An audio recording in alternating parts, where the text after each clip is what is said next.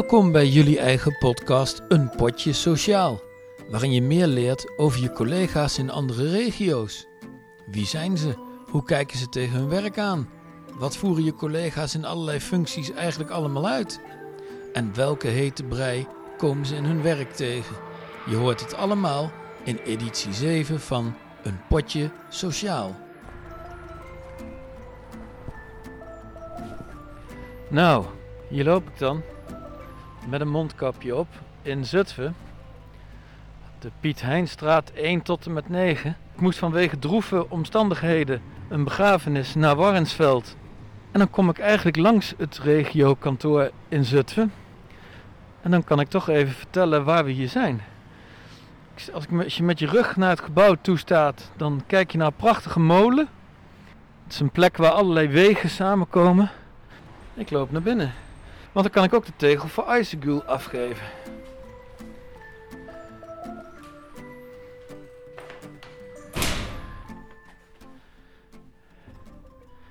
Kijk aan, ik sta hier binnen in het Emerhuis. Het is hier echt prachtig. En dan zie ik daadwerkelijk op de eerste verdieping Jeugdbescherming Gelderland. En dus loop ik naar boven. Het is een statig gebouw. Ik zie een kerstboom. Dan kom ik bij een receptie en bij een pijl. Nou, er staat hier niet alleen een prachtige kerstboom, maar er is ook een soort van gezamenlijke ruimte. Met een leestafel en een mooi keukenblok. En het rood. Nou, eigenlijk wel een comfortabele plek als ik dit zo zie. En een receptie waar niemand is, maar daar komt iemand aan. Hallo. Hallo. Ik wou even iets afgeven. Is voor Isegul van Jeugdbescherming Gelderland. Oh, oké. Ja. Ja, Kunt u dat eh, aan haar afgeven? Ja. Nou, dank u wel. Ja. Dag. Het lijkt me goed om het bezoek hier te staken. Maar het is echt een leuk gebouw. Mooi, veel kleurig. Zelfs op het toilet staan leuke tekeningetjes voor waar de man dan wel de dame naartoe kan. Nou, zou ik toch een kleine impressie kunnen geven van, van hoe het hier is. Nou moet ik alleen de weg naar beneden nog weten te vinden.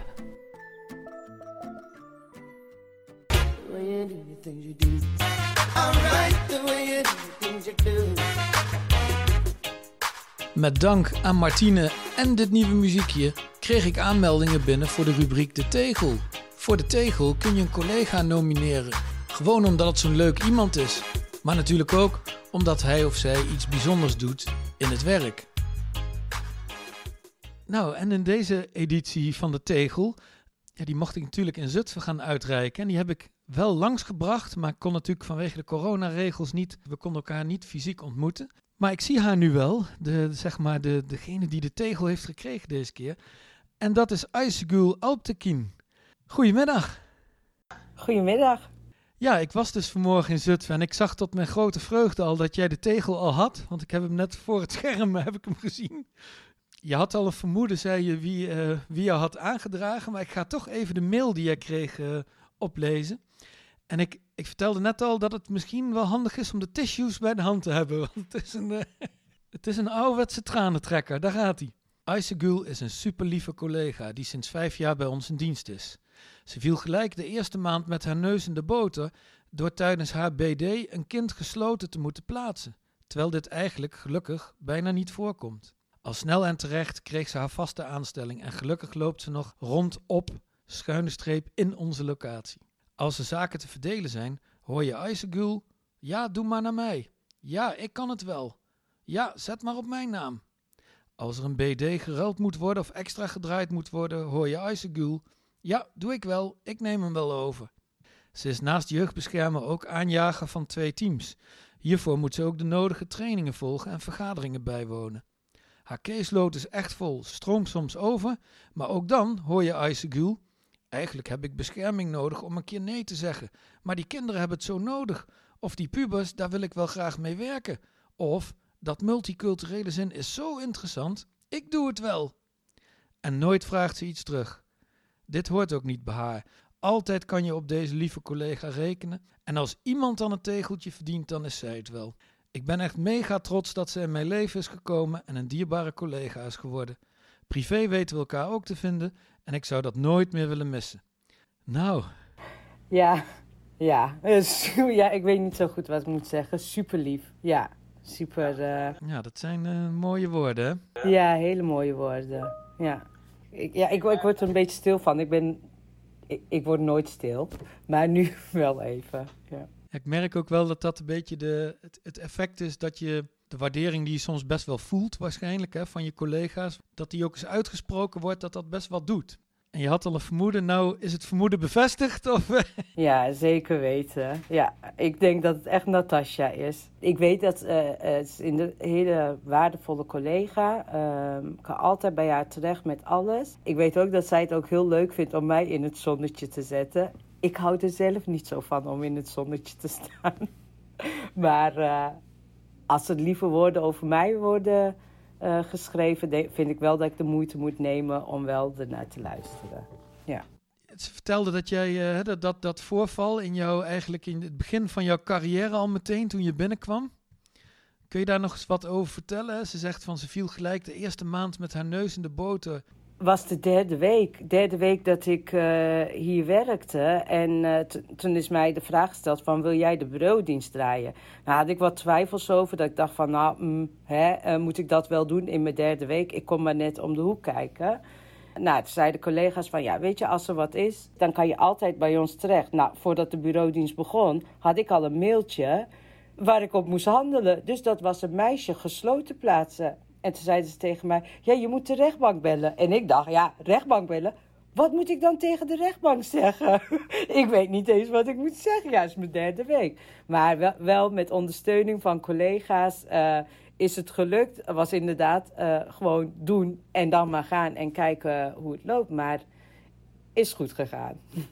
Maar er was ook meteen een moment dat je dacht van nou hier kun je wel op elkaar bouwen. Ja, zeker weten. En iedereen snapte ook dat ik het nog niet snapte wat ik tegen de rechtbank moest gaan zeggen. Dus dat nam dan een collega over. Ik ging dan organisaties bellen van, hey, is er een plek, want we zijn op zoek naar.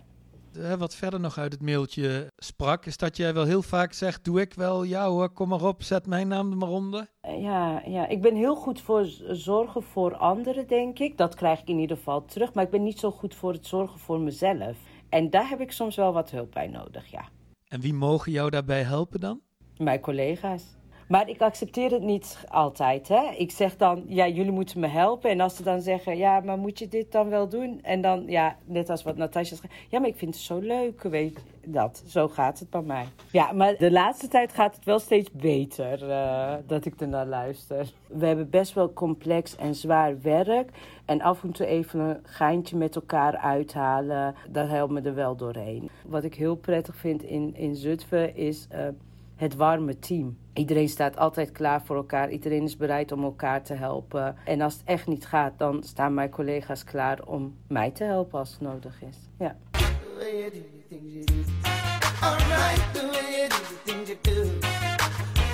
Nou, wil jij bij een van jouw collega's een glimlach op het gezicht toveren en hem of haar verrassen met een tegel?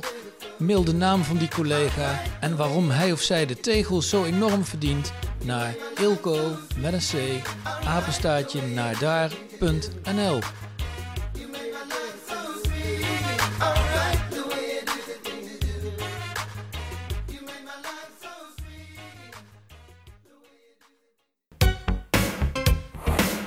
Iedere editie stap ik op iemand af met maar één nieuwsgierige vraag.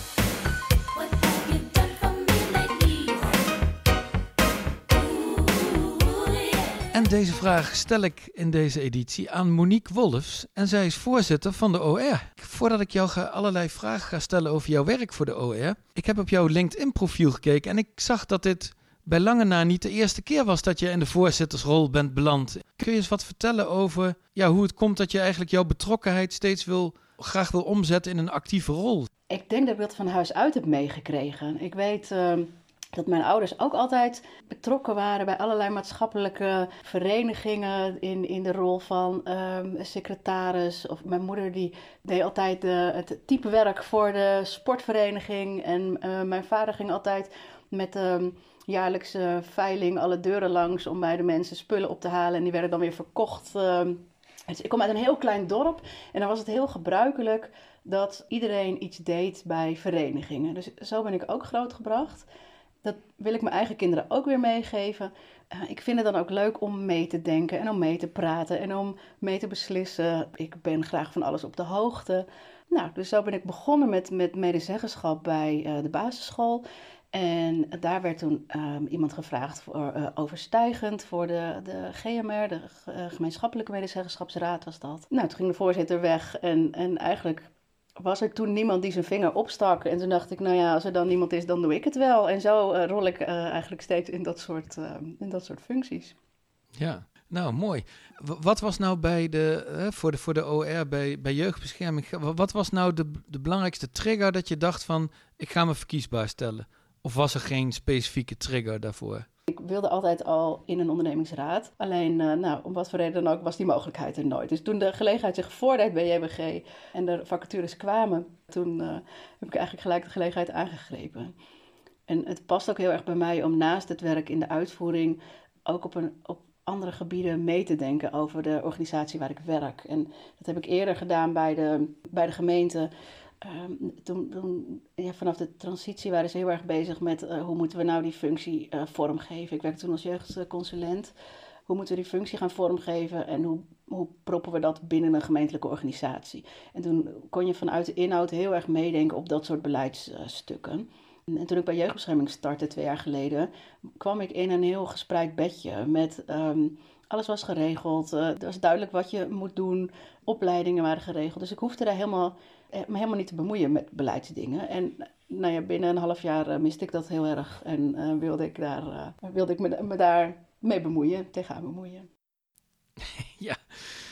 En, en, wat is nu op dit moment zeg maar echt het, nou ja, het echte hot item binnen de OR? Nou, wat we vorige week gedaan hebben met, uh, met de OR, was in het halfjaarlijkse overleg met het hele MT het onderwerp aandacht uh, op de agenda zetten. Want als OR zien we hoe hard op alle afdelingen mensen aan het werk zijn uh, om hun hoofd boven water te houden. Dat zien we binnen de verschillende regio's, waar in de zomer ook wel een aantal regio's hebben aangegeven. We, redden het niet. Toen is natuurlijk het instroomteam begonnen. Maar ook, ook we zien dat, dat bijvoorbeeld teamleiders heel hard um, aan het werk zijn om alle taken die ze moeten doen uh, vol te kunnen houden. Jeugdbeschermers ook, die zeggen van uh, ik heb ik, ik, heb eigenlijk ruimte voor, voor, voor een caseload van 14, maar, maar ik doe er 20, want, want het kan niet anders.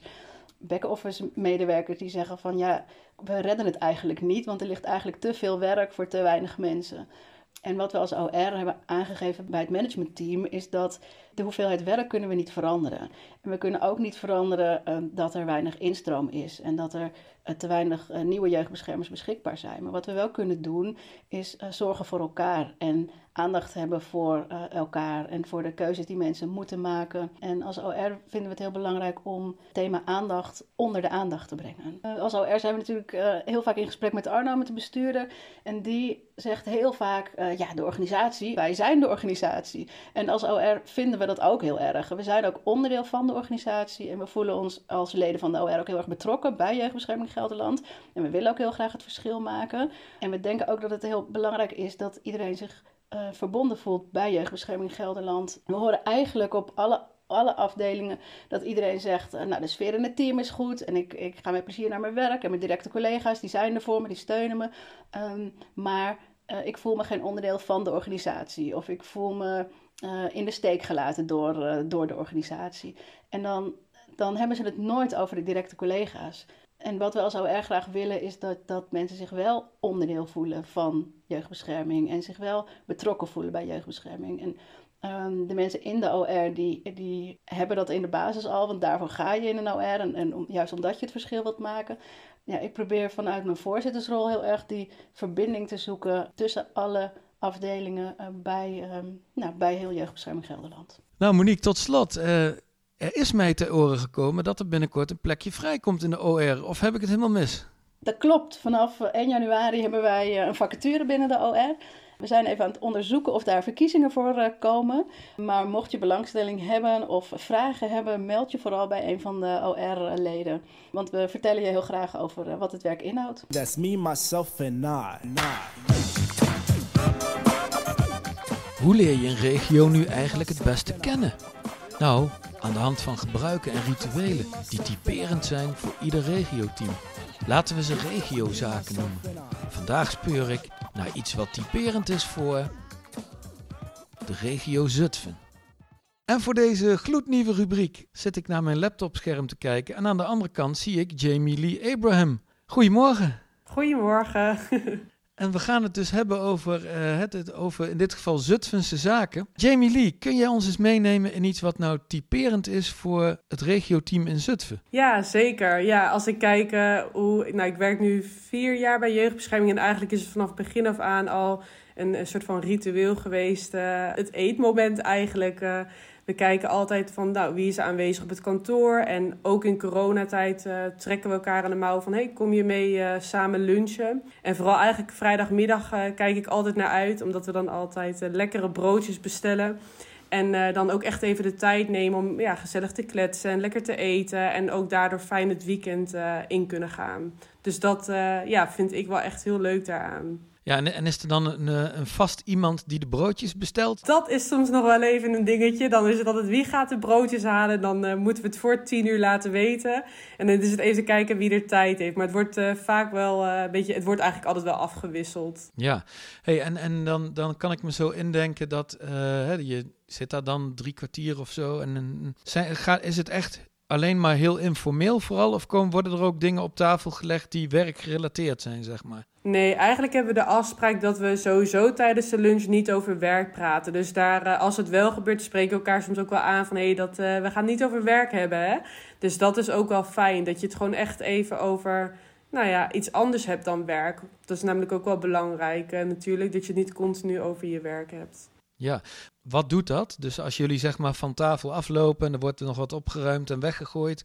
Hoe loop jij over het algemeen naar je werkplek toe dan? Nou, eigenlijk gewoon, eh, ja, vrolijk of zo. Het, ik, kijk echt ook altijd uit naar de vrijdag. En het, ja, het heeft, je hebt gewoon zo'n positieve sfeer met elkaar. Dat je dan, ja, hoef je nog maar een paar uurtjes en dan heb je alweer weekend. Dus het is wel echt, eh, ja, het is ook wel ontspannend, zeg maar, om, eh, om zo met elkaar te zitten. Ja, het is letterlijk een gezamenlijke weekafsluiting. Ja, ja. En, en doet dat dan, want uh, Isegul vertelde in de tegel eh, ook al dat, dat jullie team dat zich echt wel kenmerkte dat door veel teamgeest en onderlinge verbondenheid. Ja, het is bijna een open deurvraag, maar ik ga hem toch stellen. Draagt die lunch daar dan ook aan bij? Zijn er meer van dit soort dingen die die teamgeest echt centraal stellen bij jullie? Uh, ja, ik denk dat dit er zeker aan, aan bijdraagt. En, en dat we, nou ja, ik denk in, in Zutphen houdt iedereen altijd wel van lekker eten. Dus als er momentjes zijn dat als er iets is, uh, dan, dan, is dat, dan wordt dat ook echt wel geregeld. En Natasja doet daar zelf ook wel veel uh, ook in met versiering. En dan met Sinterklaas liggen er overal pepernoten. En met Halloween versiert ze de boel. En worden er ook grapjes uitgehaald. Ze had een collega een keer bij onze teamleider, Paulien hadden ze, had ze een, een rat of zo op haar stoel neergelegd. Maar die leek levensecht. En Pauline die was zich toen volgens mij een hoedje geschrokken. Dus zulke dingen gebeuren dan. Dat, ja, dat vind ik wel echt leuk. Ook met kerst heeft Natasja weer de hele boel uh, gezellig versierd. Dus dat ja, geeft ook meteen echt een hele gezellige sfeer. En ja, dat is wel heel fijn. Fijn om dan naar het werk te komen. Ja, dus eigenlijk een soort van moraal van jouw verhaal hè, over de Zutphense zaak is toch ook wel dat het dat het heel fijn is als je iemand hebt binnen je team die daar zeg maar min of meer ongevraagd het voortouw inneemt. Om, om het team op gezette tijden ook uh, nou, een beetje aan het lachen te krijgen, te verbinden. Ja, zeker. Ja, dat is echt wel uh, ja, dat is heel fijn. Nou, dan uh, was dit een mooie eerste editie van iets wat typisch is voor, voor een regioteam. hey, dankjewel. Ja, graag gedaan. En voor deze editie van De Hete Brei mag ik praten met uh, Sabrina Sanna. Zij is gedragsdeskundige in de regio Zutphen. Uh, Sabrina, hoi. Hallo. Ik zie heel vaak uh, mensen via Teams, hè, maar ik zie maar zelden iemand die voor zo'n schitterend schilderij zit als jij. En nou weet ik, want we hebben het natuurlijk een beetje voorbesproken, dat dat schilderij alles te maken heeft met jouw hete brei. En ik kan ook wel vertellen dat jouw hete brei best wel persoonlijk is, toch? Ja, dat klopt, jazeker. We zitten natuurlijk op dit moment allemaal heel vaak in uh, uh, online overleggen. Dus heel veel collega's zien mij op deze manier. Ik zit in een hele kleine kamer van uh, nou, misschien 2 bij 2 meter. Dus ik heb ook geen andere keuze dan voor het schilderij zitten. Zoveel mensen vragen naar het schilderij, maken er een opmerking over. Misschien moet ik het ook luchtig houden en vanuit mezelf daar iets over vertellen. Het raakt voor mij aan wat, uh, wat thema's waar we nu uh, mee bezig zijn, waar ik veel over nadenk in de training van de methodische verdieping. Dat gaat heel erg over uh, verbinding maken. Het gaat over de ander daadwerkelijk zien, inschatten, taxeren. Maar ook over het gevoel van jezelf. Ja, daar stil bij staan en dat benutten. Nou, eigenlijk over heel veel. En ik merk in ieder geval bij mezelf dat er soms een behoefte is om dat heel gekaderd te hebben. Hè? Dat het een, een kop en een staart heeft. En nou, soms het liefst dat je het kan oppakken, in een laadje kan doen en eruit kan halen wanneer het nodig is. Maar het is ingewikkelder dan dat. Hè. Het, is heel breed en we proberen met elkaar in het klein te oefenen. Het, het staat in het klein, in het alledaagse. In, die um, gedachte, als ik daarmee bezig ben, dan zit ik dus voor dit schilderij. En dan moet ik terugdenken aan, uh, aan die ochtend, omdat het voor mij raakt aan wat thema's waar we dan uh, mee bezig zijn.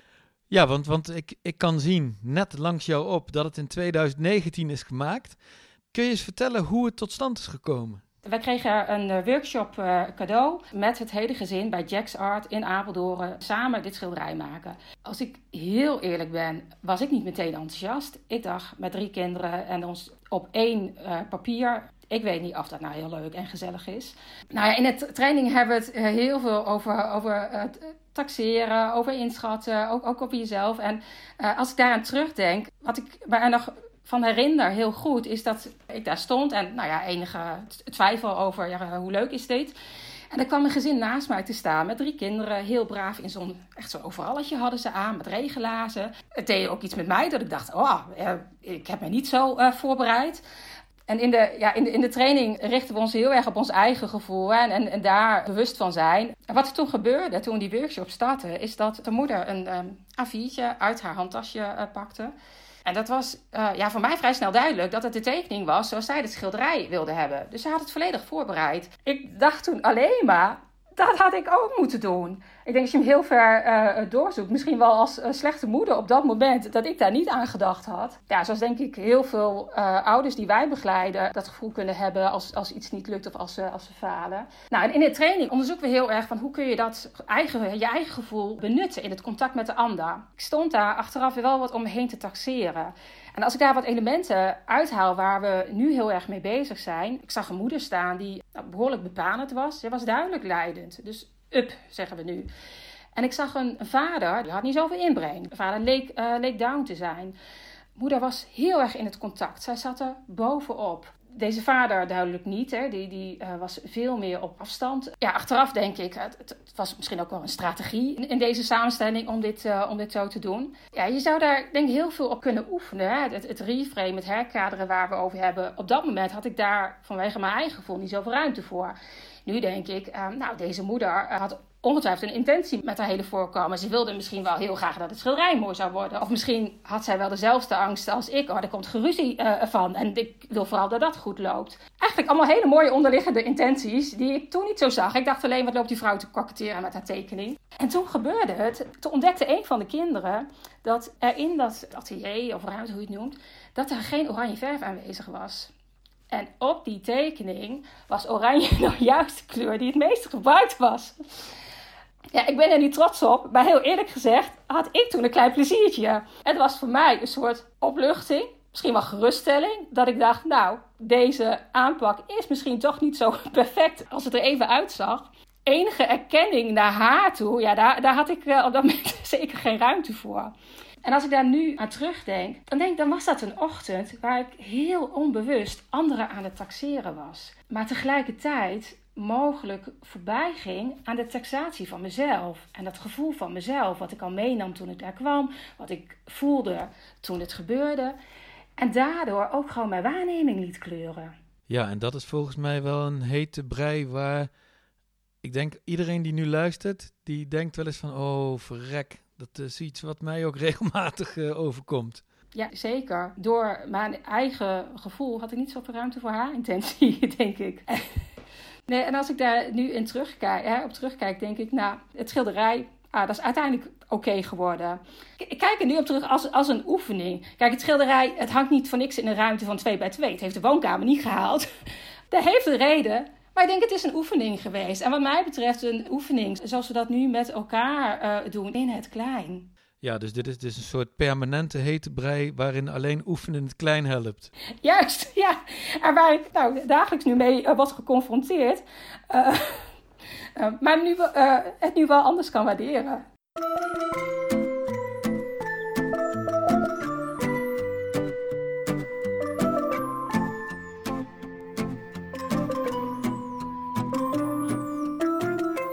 Je luisterde naar jullie eigen podcast Een Potje Sociaal. Vind je dit een leuke podcast? Laat het je collega's dan weten. En deel het bijvoorbeeld in jullie groepsapp of bij de koffieautomaat. Weet je liedjes die in de podcast passen? Heb je suggesties voor nieuwe rubrieken of de hete brei? Wil je weten wat iemand doet? Of zit je naast een geweldige collega die wel een tegel verdient? Laat het weten en mail naar ilko met een c apenstaartje naar daar.nl. Bedankt voor het luisteren.